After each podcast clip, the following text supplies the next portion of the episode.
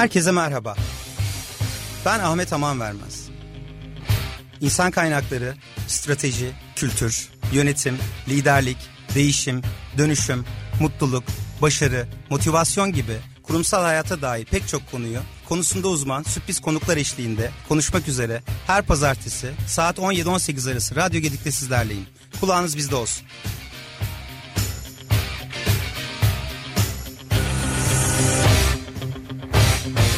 Kurumsal yönetim başlıyor.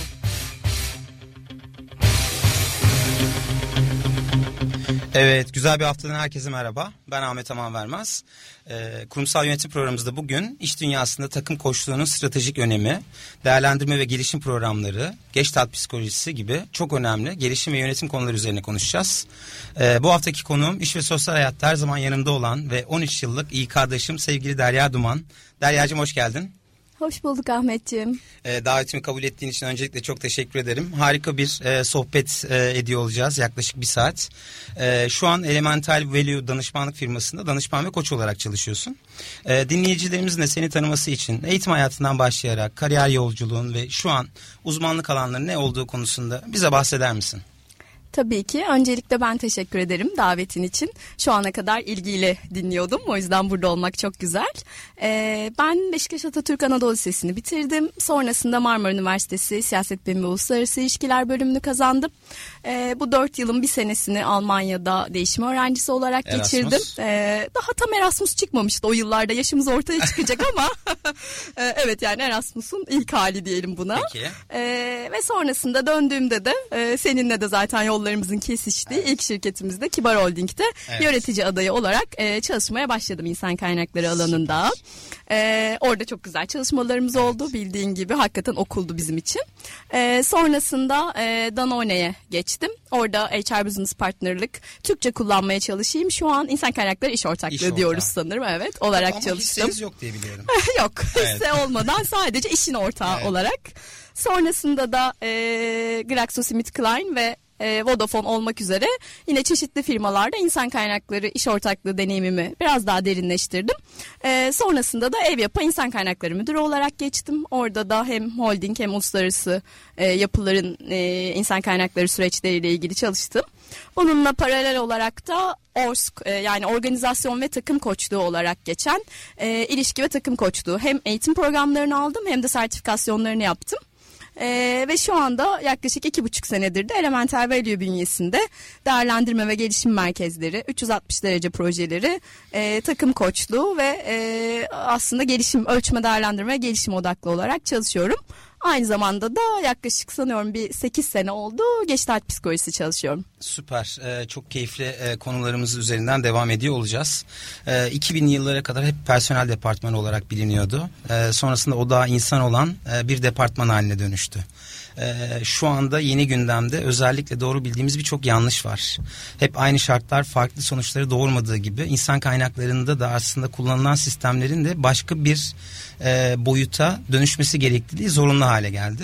E, o yüzden e, sohbetimize e, takım koçluğuyla başlamak istiyorum. Bizim bildiğimiz takım koçluğu nedir, ideali nedir e, ve gerçeği nedir? Bu alanda senin e, uzmanlık alanlarınla ilgili e, sohbetimize başlamak istiyorum. Ee, tabii ki e, bizi dinleyen birçok kişi özellikle kurumsal hayattan hani dinleyicilerimiz olduğunu düşünerek e, genelde şeye alışkınız bir derece. İşte şirketin üst düzey yöneticilerine koçluk aldırmak, işte gelişim amaçlı olsun, onları farklı bir role hazırlamak olsun ya da ekiplerinden gelen geri bildirimler. Ben de bu 15 senelik iş hayatım boyunca çok fazla yöneticimizin koçluk almasına, birebir koçluk almasına hakikaten destek oldum ya da aracı oldum. Ama sonrasında fark ettiğim bir şey oldu. Hani senin de e, fikrini almak isterim bu konuda. O da şu. Kişiler bu koçluk süreciyle gerçekten değişiyor, dönüşüyor.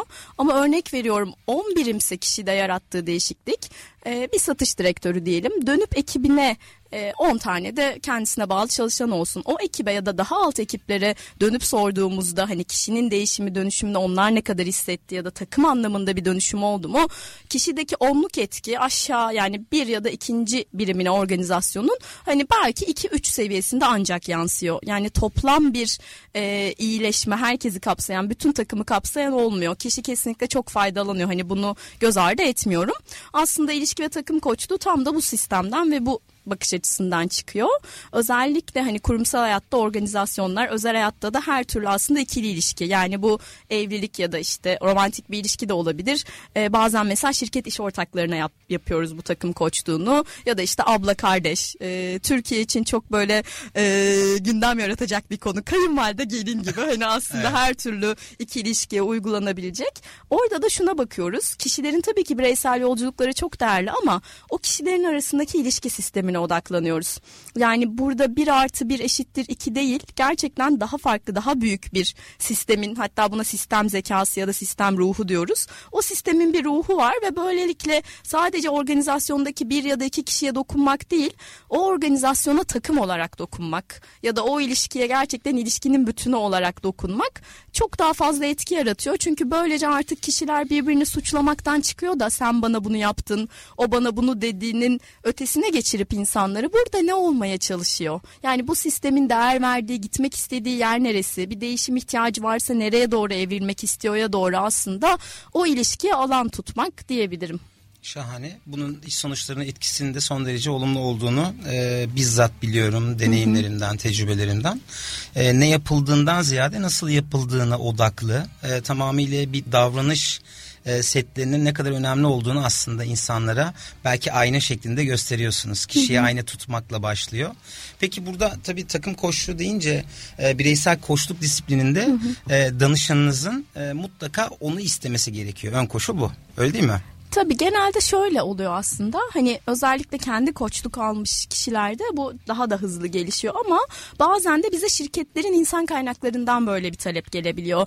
Onun da başlangıcı ne oluyor? Bazen biliyorsun şirketlerde 360 derece değerlendirmeler evet. yapıyoruz ve burada hani departman yöneticilerinin ya da direktörlerin kendi raporları çıkıyor ve bazen beklenenin altında sonuç aldıkları ya ekibim niye acaba beni böyle değerlendirmiş deyip hayal kırıklığına uğradıkları yerler olabiliyor. Ya da biliyorsun benzeri benzeri çalışan memnuniyet anketlerinde oluyor. Bazı bölümlerin skorları, sonuçları bir tık daha düşük olabiliyor.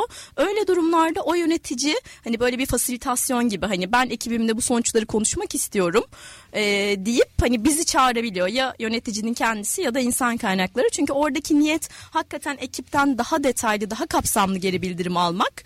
Ama hani Türk yöneticilik stilinde bunun böyle hesap sormaya kaymaması için orada bir alan tutmaya ihtiyaç oluyor ve aslında fasilitasyon teknikleri ve Orskun yani takım koçluğunun da e, araçlarıyla çok güzel bir şekilde orada aslında yöneticiye verilen mesaja odaklanıyoruz. Bunun içine tabii ki duygu konuşmaları da giriyor. İş hayatında çok duyguya yer yok deriz ama evet. günün sonunda pek de öyle olmuyor ve duyguların o bagajların konuşulması gerçekten takımdaki dönüşümü sağlıyor. Tabii ki yaklaşık %65'te bir etkisi var duyguların e, öne çıkmasında, e, sonuçları değiştirmede. E, peki e, başka ne tür alanlarda takım koşuluna ihtiyaç duyuluyor özellikle iş dünyasında ee, bir ekip hı hı. olması gerekiyor bir takım olması gerekiyor hatta artık takım bile olumsuz anlamlar e, çağrıştırdığı için ekip hı hı. çalışmasına doğru hı hı. bir e, değişim söz konusu hı hı. işte ayak takımı yerine ekip olma hani yetki ve sorumlulukların e, ve ekip sayısının net olmadığı tamamıyla proje bazlı e, artabilen azalabilen ekiplerle birlikte e, bir e, projeler e, silsilesi olarak devam ediyor.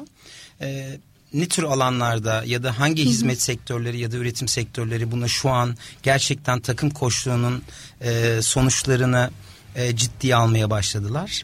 İstatistiksel bir sonuç varsa, e, paylaşabileceğin şeyler varsa bunları da duymaktan e, keyif alırız. Tabii ki. Şöyle şu ana kadar hani benim de tecrübem ağırlıklı e, telekomünikasyon ve FMCG ve ilaç diyebileceğim sektörlerde oldu. E, ama burada yavaş yavaş bence bir genel farkındalık artıyor. Yani Artıyor. artık hani gerçekten bu takımın böyle bir şeye ihtiyacı var. Adını takım koçluğu olarak koymasalar bile sen de e, müşterilerinden bilirsin. Hani danışman olarak sana bir ihtiyaçla geliyorlar. Örnek veriyorum bu bazen şu olabiliyor e, işte üst düzey dediğimiz hani C seviyesi bir yönetici işe başlayacak. İçeride de ondan önce çok sevilen bir yönetici vardı mesela. Aynı şirket içinde uluslararası bir pozisyona gitti. Bu yeni yönetici gelirken yeni ekiple yani aslında mevcut ekiple bu yeni yönetici arasındaki o hani DNA'yı, o kan ve e, gönül dokuyu. bağını, dokuyu biz nasıl sağlarız diye bize geliyorlar evet. mesela.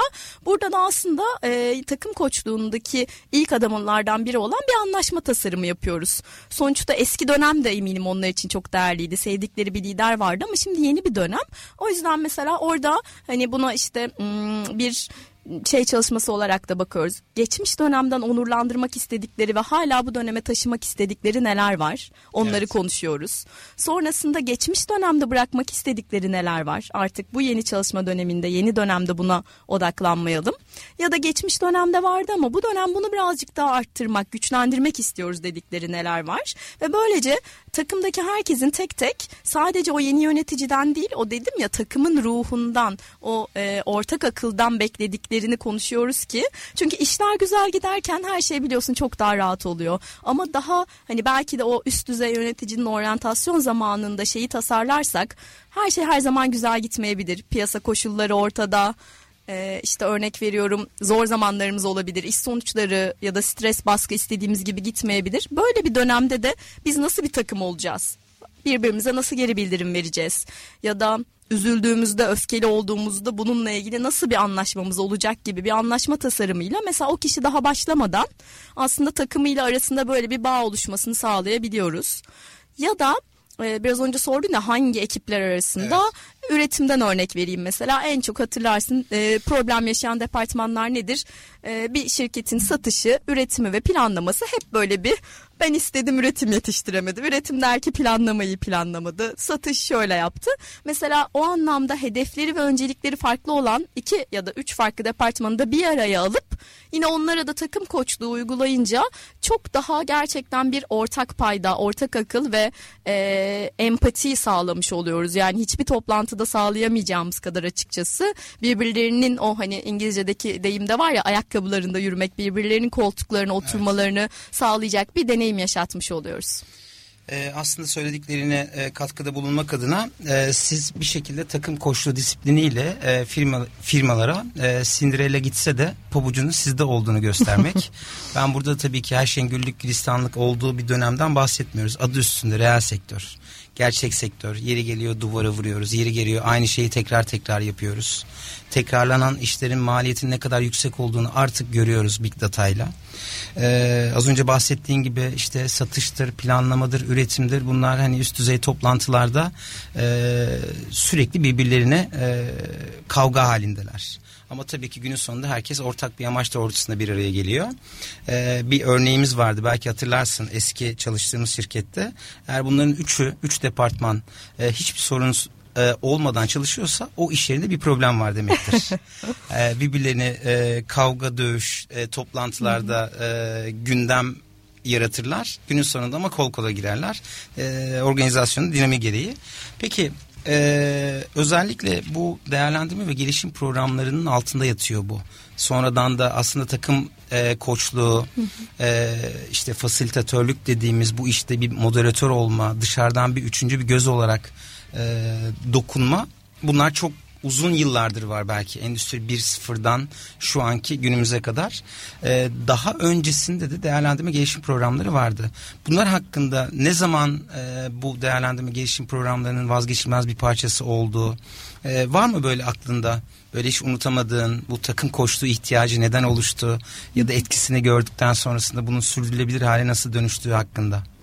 Ee, tabii yani orada birazcık da aslında şöyle şeyler oluyor. Özellikle e, gelişim amacıyla mesela e, bir şirkete e, projeye başladığımızda işte ne oluyor örnek veriyorum.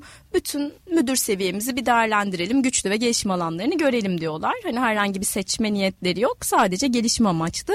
Biz orada da, klasik değerlendirme merkezi uygulamalarımızı yapıyoruz. İşte üç çeşitli vaka veriyoruz. Her vakada iki e, bizim hakikaten elementer olarak en güçlü kasımız her zaman iki danışman oluyoruz ve bütün vakalarda ve gün boyunca iki danışman kişiyi gözlemliyoruz. Ve bu iki danışman da benim gibi diğer danışman arkadaşlarım da her zaman profesyonel olarak koç yani Uluslararası Koçluk Federasyonu ICF akredite koçlar oluyor. Böylelikle neyi sağlıyoruz? Bir, hakikaten niyetimiz açık aramak değil. Hani kişiyi ayna tutmak, güçlü ve gelişim alanlarını görüp güçlü olanlarına yaslanarak ah, hani gelişim taraflarını nasıl aslında kaldıraç etkisiyle kaldırabileceğine odaklanmak oluyor.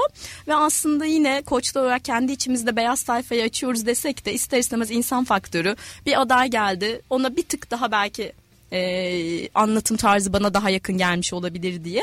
O benim puanlamamı etkilemesin diye de mutlaka iki danışman ayrı puanlayıp sonrasında da birbirimizin puanlarını kalibre ediyoruz ki o objektiviteyi tam sağlayalım.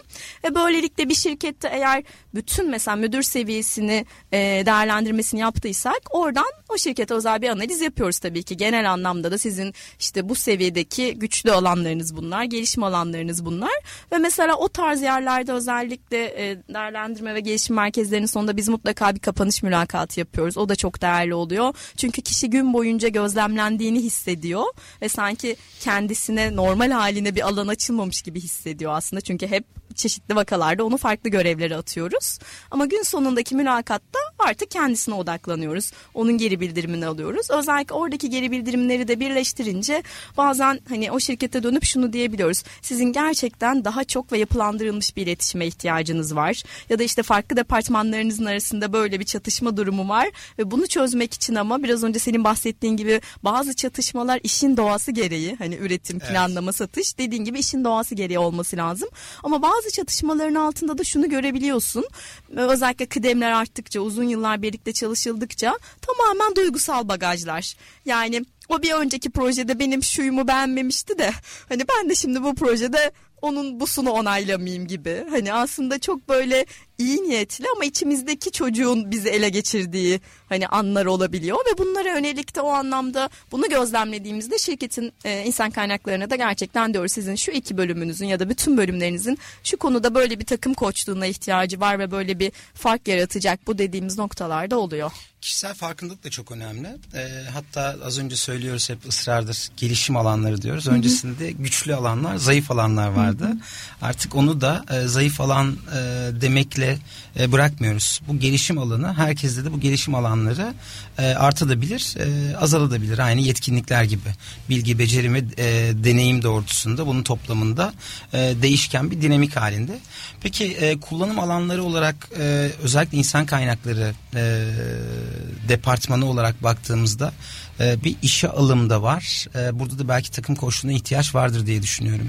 Bu alanda nasıl farklılaşıyorsunuz? Hı hı. Var mı böyle bir ihtiyaç? Benim böyle bir ekibim var ama içeriden herhangi bir şekilde e, bu departmanın e, yöneticisi olabilecek yetkinlikte hazır olan e, bir arkadaşımız yok.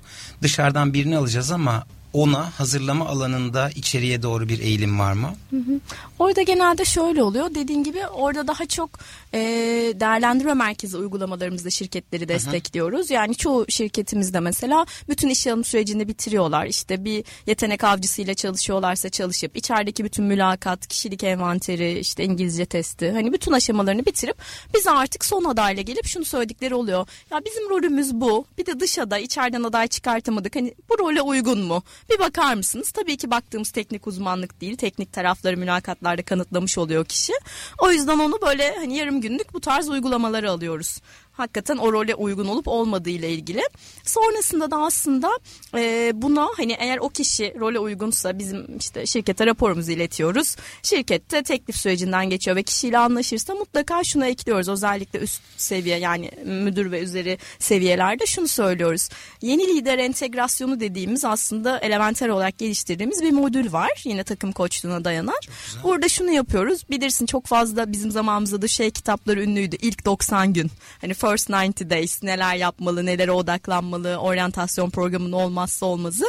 E, bence o kitabı hakikaten ek olarak bir de böyle bir madde olmalı. Çünkü kişinin o ilk 90 gün hatta bence 90'a bile kalmadan başlamadan önceki o ekibiyle tanışması ya da hadi ilk hafta diyelim başladıktan sonra o ekibiyle nasıl bir anlaşma tasarımı yaptığı, hani nelere taahhüt ettiği, e, nasıl bir takım olacaklarına dair hem iyi zamanlarda hem zorlu zamanlarda nelere e, taahhüt verdiği çok önemli ve yeni lider entegrasyonuyla da aslında biz tam bunu sağlıyoruz. Kişinin zaten bizim elimizde aslında bir e, MR diyeyim çekilmiş bir MR'ı oluyor kendi kişilik özellikleriyle ilgili. Sonrasında da yönetici olarak geleceği takımla kişiyi bir gün burada özellikle altını çizdiğimiz şey offsite dediğimiz şirket dışında olması. Amacımız onları mevcut ortamlarının dışında e, dışına çıkarmak. Bu çünkü Gestalt'te de hep böyledir. Yer değiştirmenin gücü çok önemlidir. Yani bir kişiye bir şey sorarsınız karşı tarafın gözünden de bak ya da biraz empati yap onu da anla ama kişi gerçekten hani fiili olarak da kalkıp karşı tarafın koltuğuna oturmadığı sürece bunu takım koşunda da çok uyguluyorum. Gestalt'te de çok uyguluyorum. Hakikaten onu o fiziksel alana giremiyor, enerji alanına giremiyor. O yüzden bu şekilde biz de onları şirket dışında çıkarttığımız bir günle nasıl yeni bir takım olacaklar ve o takımın hani e, ilkeleri neler olacak, temel prensipleri neler olacak hakkında böylece üstten dayatılmış bir şey değil. Sadece yeni yöneticinin getirdiği bir akım değil, birlikte karar verdikleri bir şey olarak ortaya çıkartıyoruz. Burada da işte takım koşun en güçlü araçlarından biri olan derin demokrasi ortaya giriyor. Çünkü Türk sisteminde şeye çok alışmışız ya üst yönetici söyler hani çalışanlar hani yapar. Son yıllarda evet belki içine sinmiyorsa sorar ama yine de yapardı. Ama şimdi derin demokrasiyle gerçekten sistemin her sesi duyulmalıdır ve sistemin her sesi eşittir diyoruz. Böylelikle en azından o gün için yönetici de yönetici şapkasını dışarı bırakıyor ve hepsi e, o takım koçluğu gününde eş sesler olarak duyulmaya hazır oluyor. Böylece ortaya çıkan sonuçlara da hepsinin taahhüdü ve satın alması çok daha yüksek oluyor. Aslında çok güzel bir konu. İşte derin demokrasiyle birlikte insanları da e, belki konfor alanından da dışarı çıkarıyorsunuz. Hep doğru bildiğimiz yanlışlar arasında empati de vardı. Ben 3 e, sene öncesinde gerçek anlamını bir e, liderlik sempozyumunda duydum. E, bir psikologtu sanıyorum, e, moderatör. E, karşı tarafın biz empatiyi ne olarak bilirdik? Hep duyuyorum bunu. E, karşı tarafın yerine koymak e, mümkün değil e, karşı tarafı anlamaya çalışmak aslında gerçek empatiden bahsediyor olacaksak e, mutlaka karşı tarafı anlamaya çalışmak. Burada da işte offside dediğiniz o dört duvardan hani sorumlulukların dışarısına çıkarıp e, o kişiyi belki konfor alanından da dışarı çıkarak daha rahat kendisini ifade etme, e, büyük resmi daha net görebilme konusunda da farkındalık e, yaratıyordur diye düşünüyorum. Şimdi az önce bahsettim biraz oradan devam etmek istiyorum. Bunun da başka tool'ları da var takım koçluğunun içinde e, barınan. İşte Geçtat e, psikolojisi üzerine biraz da bunlardan bahsetmeni istiyorum. Çünkü muhtemelen bu alanlar artık ilerleyen zamanda sadece insan kaynaklarının değil bütün yöneticilerin de İK olmayan yöneticilerin de gündeminde e, olması gereken tool'lardan bir tanesi olarak görüyorum. Hı hı, aynen öyle. Ee, biraz önce zaten açılışta söylemiştim hani benim eğitimim psikoloji değil lisans evet. eğitimi ama hep çok ilgim olmuştu. O yüzden de kendim okurken e, uzun bir süre yaklaşık işte 2012 tabii 2011'in sonunda e, Nita ile tanıştım. E, Bilgi Üniversitesi'nde profesör kendisi Hanna Hı-hı. Nita Şerler ve yetişkinlere özel hafta sonları tamamen psikolog olmayan kişilerin de hani katılabileceği psikoloji eğitimleri verdiğini keşfettim bir arkadaşım sayesinde ve 2012 senesinde bu eğitimlere başladım. Ee, ilk önce iki senelik bir temel geçtalt eğitimi aldım. Bu iki senelik temel eğitim bittikten sonra bunu hani lisans ve sonraki yüksek lisanslara benzetiyorum. İki yıldan sonra da her sene NİTA'nın açtığı bu psikoloji eğitimlerinde konu değişti. Her sene farklı bir odak konusu oluyor ama bu eğitimlere devam ettim. Hakikaten hayatımdaki böyle dönüşüm ve değişim noktalarından biriydi ve sonrasında da hem Orsk takım koçluğunda hem de Gestalt'te hem de diğer Mesnevi'de de var mesela evet. bu ya da diğer okuduğum kaynaklarda da aslında o hani e, özünün aynı olduğunu görmek bana çok iyi geldi. Araçlar farklılaştı yıllarca öğrendiğim şeyler arasında ama özü hep aynıydı. Mesela biraz önce söyle, söylediğim bu takım koçluğundaki sistemin gözünden bakmayı e, organizasyonel üçüncü varlık diye bir uygulamayla yaptırıyoruz biz. Mesela e, bütün 10 kişilik bir takıma koşuk yapıyorum. Onları U düzenli oturtuyorum. Hiçbir şekilde önlerinde masa olmadan sadece sandalyeler. Hani bir U şeklinde. Ben tam karşılarına oturuyorum. Ve sonra onlar için önemli bir konuyu çalışırken konuyu onlar belirliyor. O konuyu ortaya koyup hepsinin tek tek gelip aslında tek tek onlar değil ya da o ekibin müdürü değil o ekibin ruhu olarak benim oturduğum koltuktan kendilerine bakmalarını istiyorum o konu çerçevesinde. Ve o takımdaki 10 kişi de gelip kendi sandalyesinden kalkıp o sandalyeye oturup bunu deneyimliyor. Ve işte orada aslında Gestalt'in de alanın gücü dediği şeyi tam olarak yaşıyoruz ve hani örnek veriyorum bu hani zorun ıı, birlikte çatışma yaşayan bölümlerden biri oraya kalkıp oturunca bölümün yöneticisi ya buradan gerçekten çok farklı deyip normal kendi koltuğunda söylemeyeceği bir yorumu, söylemeyeceği bir aksiyonu gerçekten söyleyebiliyor. Çünkü alanın ve o enerjinin gücünü hissediyor. Geçtalt'te de bunun aslında karşılığı e, boş iskembe çalışması diye geçer. Hı hı. Orada da çoğu zaman biz Geçtalt'te birlikte yani çalıştığımız konuyu e, bu bir kişiyle ilgiliyse bazen kavram da olur ama genelde kişi olur. Hatta birçok e, hem Jung'un hem de birçok psikanalistin söylediği gibi yüzde 99 o çocuklar ve anne babaya gider. E, ama e, o kadar derine inmeyelim. Hani konuştuğumuz... 6 yaşa inmiyor değil mi? Daha, e, daha da inmeyelim.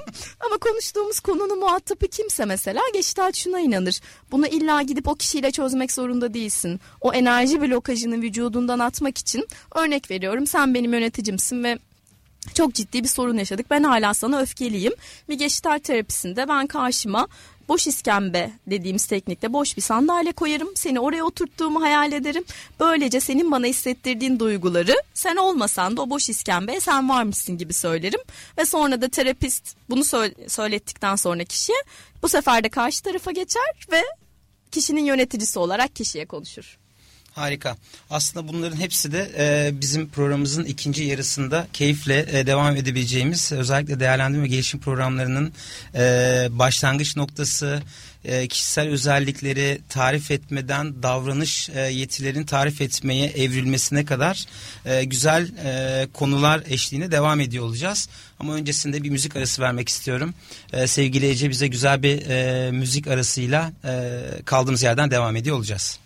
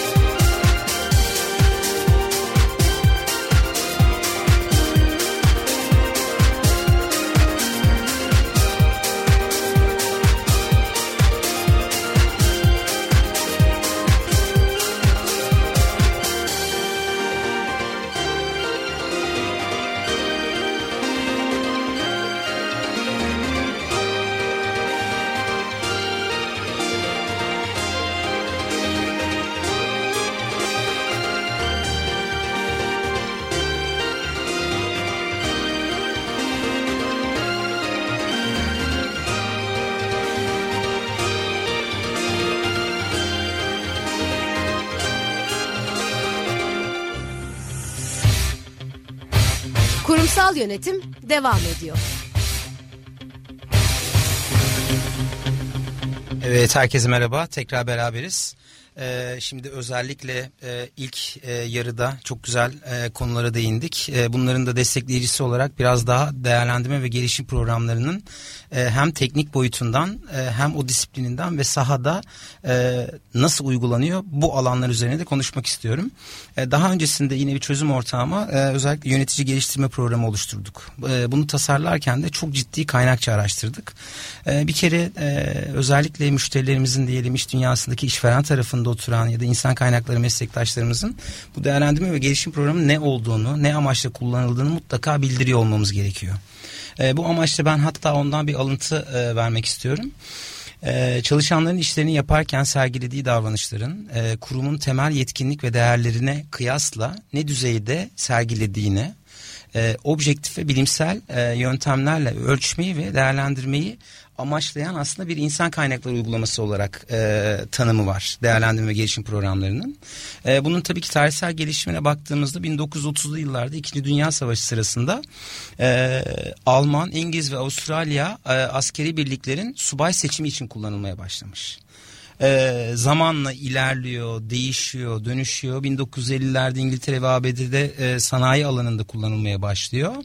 E, son olarak 2000'li yıllardan itibaren tüm dünyada ve ülkemizde çok uluslu ve kurumsal şirketlerde yaygın olarak kullanılmaya başlıyor. E, aslında çok önemli bir fark var.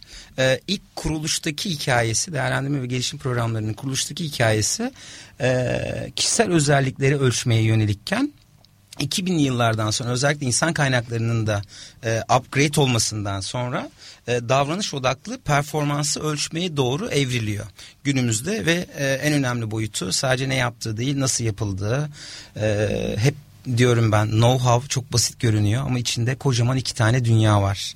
Bir bilgi var know kısmı bir de bunun nasıl yapıldığı var. Böyle baktığımızda know-how benim için çok büyük bir anlam e, taşıyor. E, tabii bu özellikle değerlendirme ve gelişim programlarının kullanım alanları ve e, korelasyonları da çok farklı bir boyutta. E, şimdi birazdan senden teknik ve sahadaki deneyimlerini de aktarmanı isteyeceğim. Ee, özellikle en çok kullanılan alanlar insan kaynaklarında kariyer planlama ve yedekleme süreçlerinde e, bu tool'lar kullanılıyor. E, bunu çalışan gelişimi takip ediyor ve en az da iş alımlarda kullanılıyor. Az önce de bahsettiğin gibi son bir kişiyi de karar kılınıyor. Acaba onların da pozisyonu uyumu ne derecede gibi bu alanlarda sizden destek istiyorlar. Ee, gelelim bir de bu bu işin işe alımdan e, geliştirilmesine kadar e, olan süreçte e, korelasyon dediğimiz o birbirleriyle bağlantılarına baktığımızda e, eskiden e, rafta kaldı artık. Sadece davranışsal olmayan mülakatlarla bunların etkisi yüzde beş iken üstüne referanslar, özgeçmiş kontrolleri, kişilik envanterleri, yetenek testleri, iş örneklem testleri, e, davranış odaklı mülakatlar hatırlarsan beraber de gitmiştik davranış odaklı mülakat teknikleri eğitimlerine. Ee, ve son olarak da e, en önemlisi değerlendirme merkezleri yani şu an sizin uzmanlık e, alanınız olan değerlendirme merkezleri de e, doğru pozisyona doğru kişiyi almada yüzde 65 oranında ciddi bir etki yaratıyor. Ee, bu alanda da şimdi ben biraz daha e, derinlemesine girmek istiyorum. Sörfü bir kenara bırakıp diving anlamında. E, envanterler çok önemli bir e, rolü var. Aynı zamanda rol oyunları, case'ler dediğimiz, vakalar dediğimiz e, ve sonrasında 360 derece ve bunların da hepsini kapsayan bir yetenek yönetimi ya da potansiyel geliştirme programları şeklinde karşımıza çıkıyor. E, saha deneyimlerin, müşteri deneyimlerin, kurumsal hafızan konusunda e, keyifle e, bu konuları bize aydınlatmanı istiyorum. Estağfurullah. Çok güzel özetledin Ahmetçim. Ee, burada biz genelde şirketlerde aslında dediğim gibi iki aşamada çalışıyoruz. Bazen sadece iş alım ekipleriyle adayların şirkete uygunlukları bazen ise söylediğin gibi içeride mesela bir tane rolleri oluyor ama üç tane adayları oluyor yetenek havuzunda. O üç adaydan hangisinin daha hazır olduğu ile ilgili. Ve orada tabii bence sihirli birkaç kelime var hani bizim ne yapmaya çalıştığımızla ilgili. Birincisi e, söylediğin araştırmayı ben de biliyorum çok değerli. E, hani kişilik envanteri ve değerlendirme merkeziyle beraber yetkinlik bazı mülakatın bile neredeyse 3 katı e, kadar daha doğru hani adayın e, pozisyona uygunluğunu daha doğru bir şekilde ölçebiliyoruz. E, bunu çok kere deneyimledik. E, orada çünkü hani bu sihirli kelimelerden bir tanesi şu bence kişiyi konfor alanının dışına çıkarmak. E, çünkü çoğu zaman şöyle şeyler oluyor. Bu üç aday var dedim ya içerideki evet. örnek veriyorum. Üç müdür olsun bir direktör rolüne adaylar. Mesela üç yönetici de aslında diyor ki ya işte Ahmet çok iyidir şöyledir böyledir neden? Çünkü onu sürekli konfor alanında görüyor. Kendi yaptığı işi yaparken görüyor. O yüzden biz kişiyi konfor alanının dışına çıkartıyoruz. E, çoğu müşterimiz mesela hangi sektördeyse o sektörün dışında vakalar üretiyoruz. Ya da aynı sektör olsa bile farklı rollerdeki hani e, rollere atanacak şekilde kişiye özel vakalar üretiyoruz. E, pozisyona özel.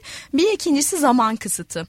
Çünkü aslında yine çalışmalar şunu gösteriyor ki kişi zaman kısıtı olduğunda aslında bizim sınav sistemlerinde de olduğu gibi en e, doğal halini ve en güçlü kaslarını ortaya koyuyor. Bu aynen şey gibi yolda yürüyorsunuz birdenbire yukarıdan bir top düştü. Hangi ayağınla vurursun mesela Ahmet?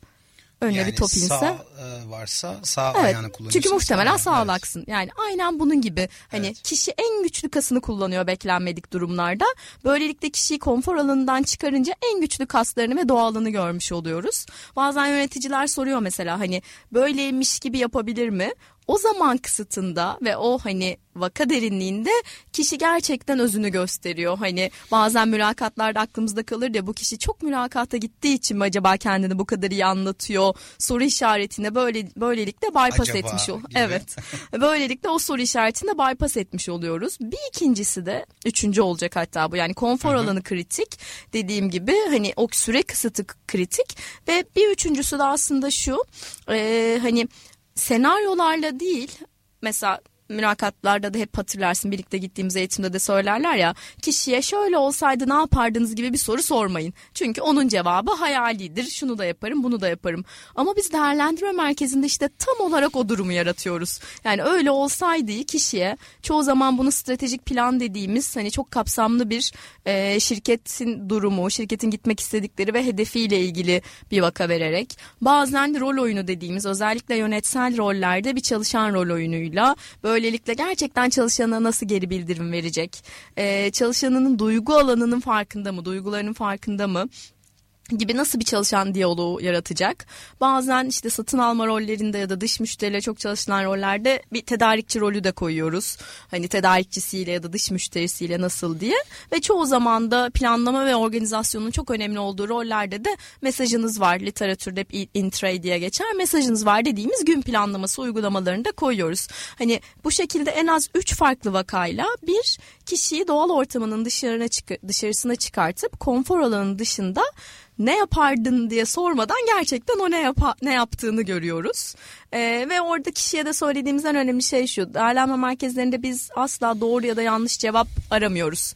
Çünkü iki seçenek var örnek veriyorum. A'nın arkasındaki neden sonuç ilişkisini ve düşünme mekanizmasını koyarsa bizim için A doğru, B'nin arkasını doldurursa B doğru.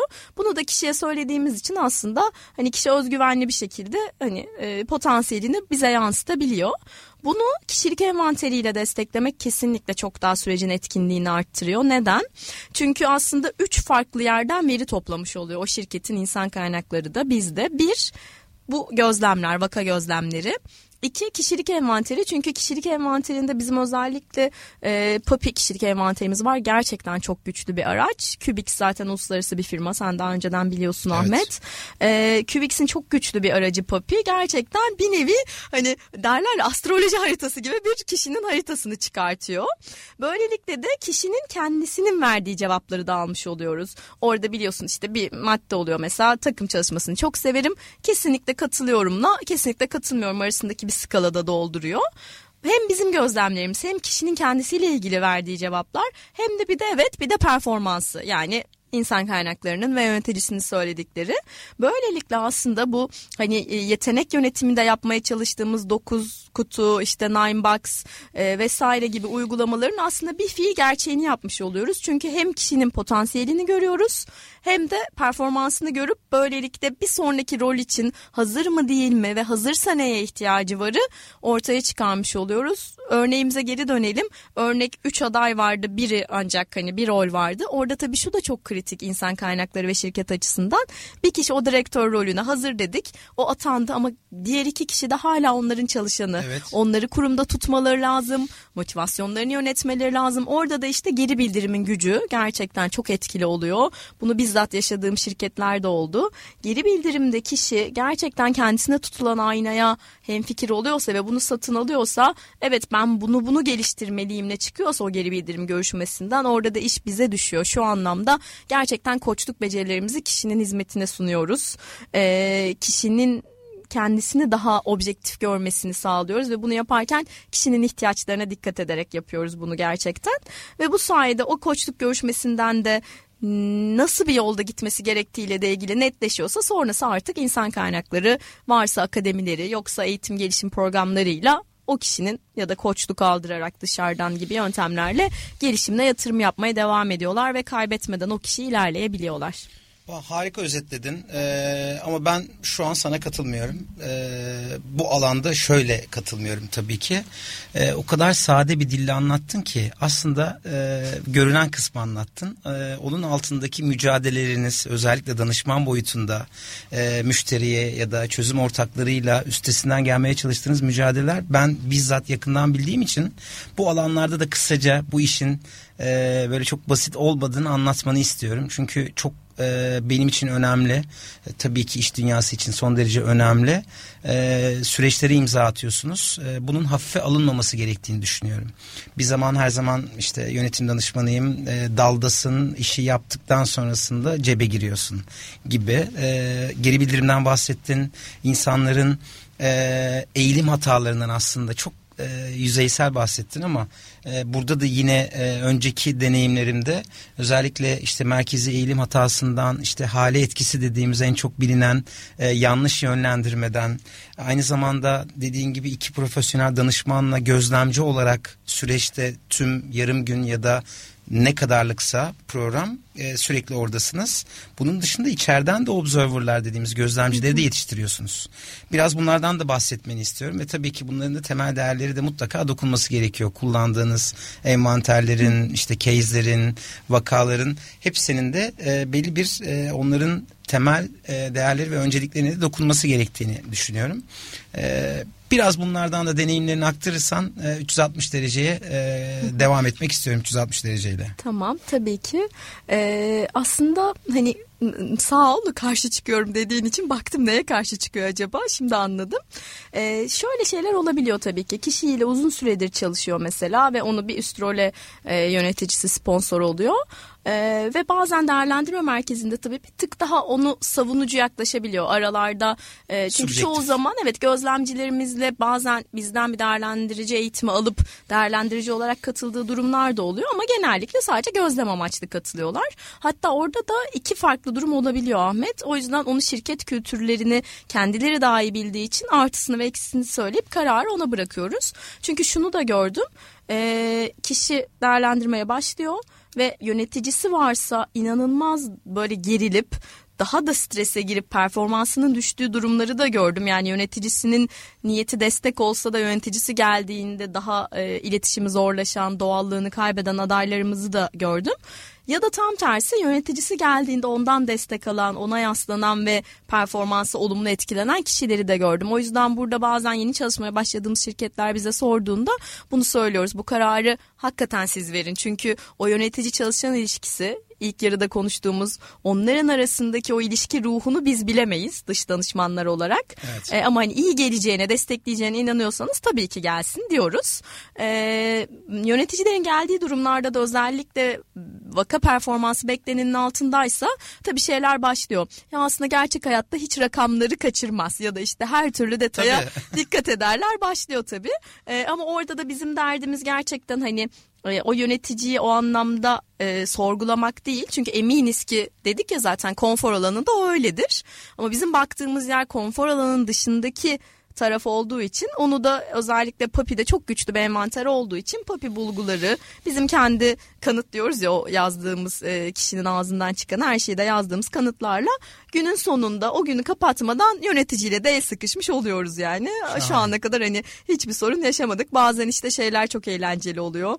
Rol oyunlarında özellikle iç çalışanlarla işte çalışanına geri bildirim veriyorsa ya da bir eş düzeyine böyle inanamıyorlar. Aa işte Ahmet'in içinde bir şu varmış ya da işte ne kadar size atar yaptı ya da işte yeri geliyor bana seni çok seviyorum diye hani beni ikna etmeye çalışanlar yeri geliyor beni işten çıkarmaya kadar gelen yöneticiler gibi böyle arka tarafta bizi gülümseten çok fazla durumda oluyor. Deneyimler oluyor harika. Ee, gelelim meşhur 360 derece e, değerlendirmeleri. E, bu alanda da hala e, gidilmesi gereken e, uzun bir yolculuk var diye düşünüyorum e, nasıl farkındalıklar iş dünyasında, müşteriler boyutunda, bunun ne kadar önemli olduğunu ya da bunun çıktılarının başka iş sonuçlarına girdisi olarak düşünüyorlar mı? Güzel bir umut var mı en azından hani bunların daha çok kullanılma alanlarında? Evet çok güzel sordun. Aslında şöyle 360 e, derece değerlendirme biliyorsun Türkiye içinde e, bizler için de görece daha yeni. Yani performans ölçümlerine ya da işte birçok farklı insan kaynakları sürecine göre 360 e, derece değerlendirmede biz birincisi şuna çok inanıyoruz. Biliyorsun senin bildiğini biliyorum ama bilmeyen dinleyicilerimiz için kişi önce kendisiyle ilgili bir değerlendirme yapıyor soru seti hep aynı. Şirketin yetkinlikleri üzerinden e, bir soru setinden ve ben işte böyleyimdir, şöyleyimdir diyor. Sonra kişinin yöneticisi kişiyi değerlendiriyor. Sonra kişinin bağlı çalışanları kişiyi değerlendiriyor. Sonra kişi kendisiyle ilgili işte peer dediğimiz eş düzeylerini seçiyor. En çok şirket içinde, organizasyon içinde birlikte çalıştığı kişileri ve son olarak da iç ya da dış müşterilerini seçiyor. İşte dışarıdan çalıştığı ajanslar, müşteriler, tedarikçiler gibi.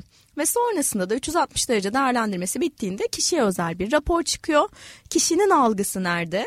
ve bu diğer dört grubun kişiyle ilgili algısı nerede? Kendisinin altında mı, üstünde mi? Hangi konularda ona nasıl mesajlar verilmeye çalışılıyor? Bunu gördüğü bir süreç. O yüzden kişiyi ayna tutmak ve kişisel gelişim için çok değerli. Ee, çok güzel bir soru sordum. Bunu diğer bir sürecin diğer bir süreçten kastım ne performans yönetiminin, ücret yönetiminin ya da başka bir kariyeri etkileyen sürecin girdisi yapmamak çok değerli. Çünkü neden? Ee, özellikle bizim kültürümüzde şöyle şeyler olabiliyor. Ben biliyorsam ki Ahmet'e vereceğim not üzerinden Ahmet'in performansı, primi ya da terfisi etkilenecekse hepsini işte bizimki mesela 1 ve 5'li skala hepsini 5 veriyorum. Aa çok iyi çok iyi çok iyi. Ama onun gerçekten kariyerini işte ücretini, performans primini etkilemeyeceğini biliyorsam, sadece kişinin gelişimi için olduğunu biliyorsam o zaman daha rahatlıkla 3 ise 3. Hayır Ahmet bazen bana çok sert davranıyor diye düşünüyorsam işte 2 ise 2 onu verebiliyorum. Neyse o, evet. Aynen öyle. O yüzden sanırım kritik olan 360 derece değerlendirmeyi şirketin başka bir süreciyle kişinin kariyerini ve performansını etkilemeden gelişim amaçlı tutabilmek Ee, ve bizim yaptığımız projelerde biz 360 raporunu kişiye göndermiyoruz bir buçuk iki saatlik bir koçluk görüşmesiyle beraber raporu kişiye açıklıyoruz. İçselleşiyor. Aynen öyle yani kişiye böylece e, şeyi yapmasına da izin vermeden hmm, bunu bana kim vermiş Sherlock Holmes'luk diyorum Evet. ben ona hani Tabii. kim bana ne vermişi bulmanın ötesinde ya diyorum ki Ahmet Bey gelin burada mesaja odaklanalım. Aynen. Hani kim size ne demeye çalışıyor? Bağcıyı dövmeyelim. Evet hangi taraflarınızı hani güçlendirmeniz ya da farklı yapmanızı bekliyorlar gibi böyle bir koçluk görüşmesiyle de yapınca hakikaten 360'ın etkisi artıyor. Ee, çok güzel bir şey söyledin aslında kişiyi ayna tutmak anlamında. Ee, yine bu geri bildirim süreçleriyle de çok doğrudan orantılı. Ee, yine e, yaptığımız araştırmalarda geri bildirim hala biz e, yanlış biliyoruz. Ee, geri bildirimi hala eleştiri olarak bakıyoruz. Ee, güzel olan şeyleri yarım ağızla söylüyoruz ama kötü olan şeyleri 10 tane iş yaptın 9'u harika bir tane kötüyse 10 sene boyunca bütün kariyerince devam ediyor. Ama ile başlayan ama bombaları devam ediyor. Mevlana çok güzel özetliyor aslında burada. İşte kusur arıyorsan bütün aynalar senin. Ee, burada da hani böyle bir oluşumda bakmak gerekiyor. Ee, ben çok güzel notlar aldım Derya'cığım. Konfor alanının dışına çıkmamız gerektiği konusunda. Zamanı ne kadar etkin kullanmamız konusunda. Öz değerlendirmenin ne kadar önemli olduğu konusunda. Ee, ve geri bildirim almanın, geri bildirim vermenin ne kadar önemli olduğunu e, bana deneyimlerinle aktardın ve dinleyicilerimize. Ee, son olarak e, programımız bir saat çok çabuk geçti. Ne yazık ki burada üzülerek e, söylemek durumundayım. E, gönül ister ki saatlerce devam edelim. E, son olarak özellikle iş dünyasındaki e, çalışanlara, e, kariyerini yeni şekillendirmek isteyen genç arkadaşlarımıza tavsiyede bulunmak yerine ne tür öneriler e, de bulunursun? Bununla birlikte gelecekte geçerli olacak yetkinlikler nereye doğru evriliyor? Bununla ilgili çalışmalar yaptığını da biliyorum. E, bu alanda önerilerini de almak isterim programımızın son dakikalarında. Tabii ki. Ee, bizim çalıştığımız aslında birçok müşterimiz e, sektör bağımsız. En çok bu ara konuştuğumuz şey gerçekten öğrenme çevikliği. Ki senin de bahsettiğin gibi okuduğum ve takip ettiğim yayınlarda da gelecekte de bunun öneminin gittikçe artacağını düşünüyorum. Çünkü artık biliyorsun şimdi e, 2000'liler iş başvurularına başlıyor ya da Kapıdalar. işte evet kapıdalar stajlarını bitirdiler e, tam zamanlı işlere başlıyorlar. Böyle bir dönemde onların yetiştiği coğrafya İnternet sürekli ellerinin altındaydı. Sürekli bilgiyle büyüdüler. O yüzden eskisi gibi eskiden X üniversiteyi bitirmek ve yabancı dil biliyor olmak yeterken birçok yeni mezuna bu Evet. yönetici adayı programları için. Şimdi bu sürekli değişiyor. Artık bilgiden çok deneyim öne çıkıyor. Hani en az 2-3 tane farklı staj yapmış, birkaç yerde part-time çalışmış birilerini şirketlerde Bravo. bakmaya başladığı dünyada. Mesela biz de aynı şeyi gelişim merkezlerinde, değerlendirme merkezlerinde de yapıyoruz. Örnek veriyorum kişi bir şeyi bize sunarken bir konuyu atladı. Orada zaten diyorum ya bizim niyetimiz açık aramak değil. Hani gerçekten kişiyi ayna tutmak. Kişiye mesela atladığı şeyi hatırlatacak bir soru soruyoruz. Ee, aslında bu biraz ipuçlu soru diyebilirim buna. Subliminal. Orada mesela evet orada mesela kişinin eğer öğrenme çevikliği buna durumsal esneklik gibi de bakabiliriz. Yüksekse hemen ha bana bunu soruyorlar demek ki şunu duymak istiyorların muhakemesini yapıp o soruyu algılayabiliyor ve genelde o adayların da toplam skorları daha yüksek oluyor ama kişi oradaki o durumsallığın farkında olamazsa ne yazık ki o durumsal çevikliği gösteremezse yani bu ister istemez hani sonuçlarına da olumsuz yansıyor. O yüzden sanırım e, en çok neye odaklanayım denilecek bir dünyada tabii ki tek bir doğru cevap yok ama öğrenme çevikliği oldukça öne çıkıyor. Şahane. Ee, çok teşekkür ederim. Çok önemli katkılarda bulundun. Ee, farkındalık yaratma konusunda özellikle çalışanla işveren arasındaki yaklaşım farklılıkları konusunda çok ciddi bir davam var. Benim de bu alanda e, sizin gibi profesyonel e, konuklarımla bu farkındalığı e, daha da üst e, boyutlara taşımak için çok verimli e, bir program oldu. E, ben çok teşekkür ederim. Senin son olarak eklemek istediğin ya da belirtmek istediğin bir konu var mı? E, bunu bitirerek bunu senden alarak bitirmek istiyorum. Ben çok teşekkür ederim Ahmetciğim. Çok keyifli bir saatti. Gerçekten nasıl geçtiğini anlamadım. Takım koçluğu özellikle beni çok heyecanlandıran derler ya böyle kalbimi attıran bir taraf olduğu için e, bunun üstünde de böyle konuşmak hakikaten bana da e, çok iyi geldi. Umuyorum ki dinleyenlerin de e, keyifli bir saat geçirmesini sağlamışızdır. Şahane mesajı da aldım takım koçluğu konusunda e, en azından çok daha e, farkındalıkla e, çözüm ortaklarımıza, müşterilerimize de e, bu alanda da bunun yayılımı konusunda da ekstra bir destek vereceğimden de hiç şüphen olmasın. E, çok teşekkür ederim. Haftaya tekrar görüşmek üzere. Hoşçakalın. Kurumsal yönetim sona erdi.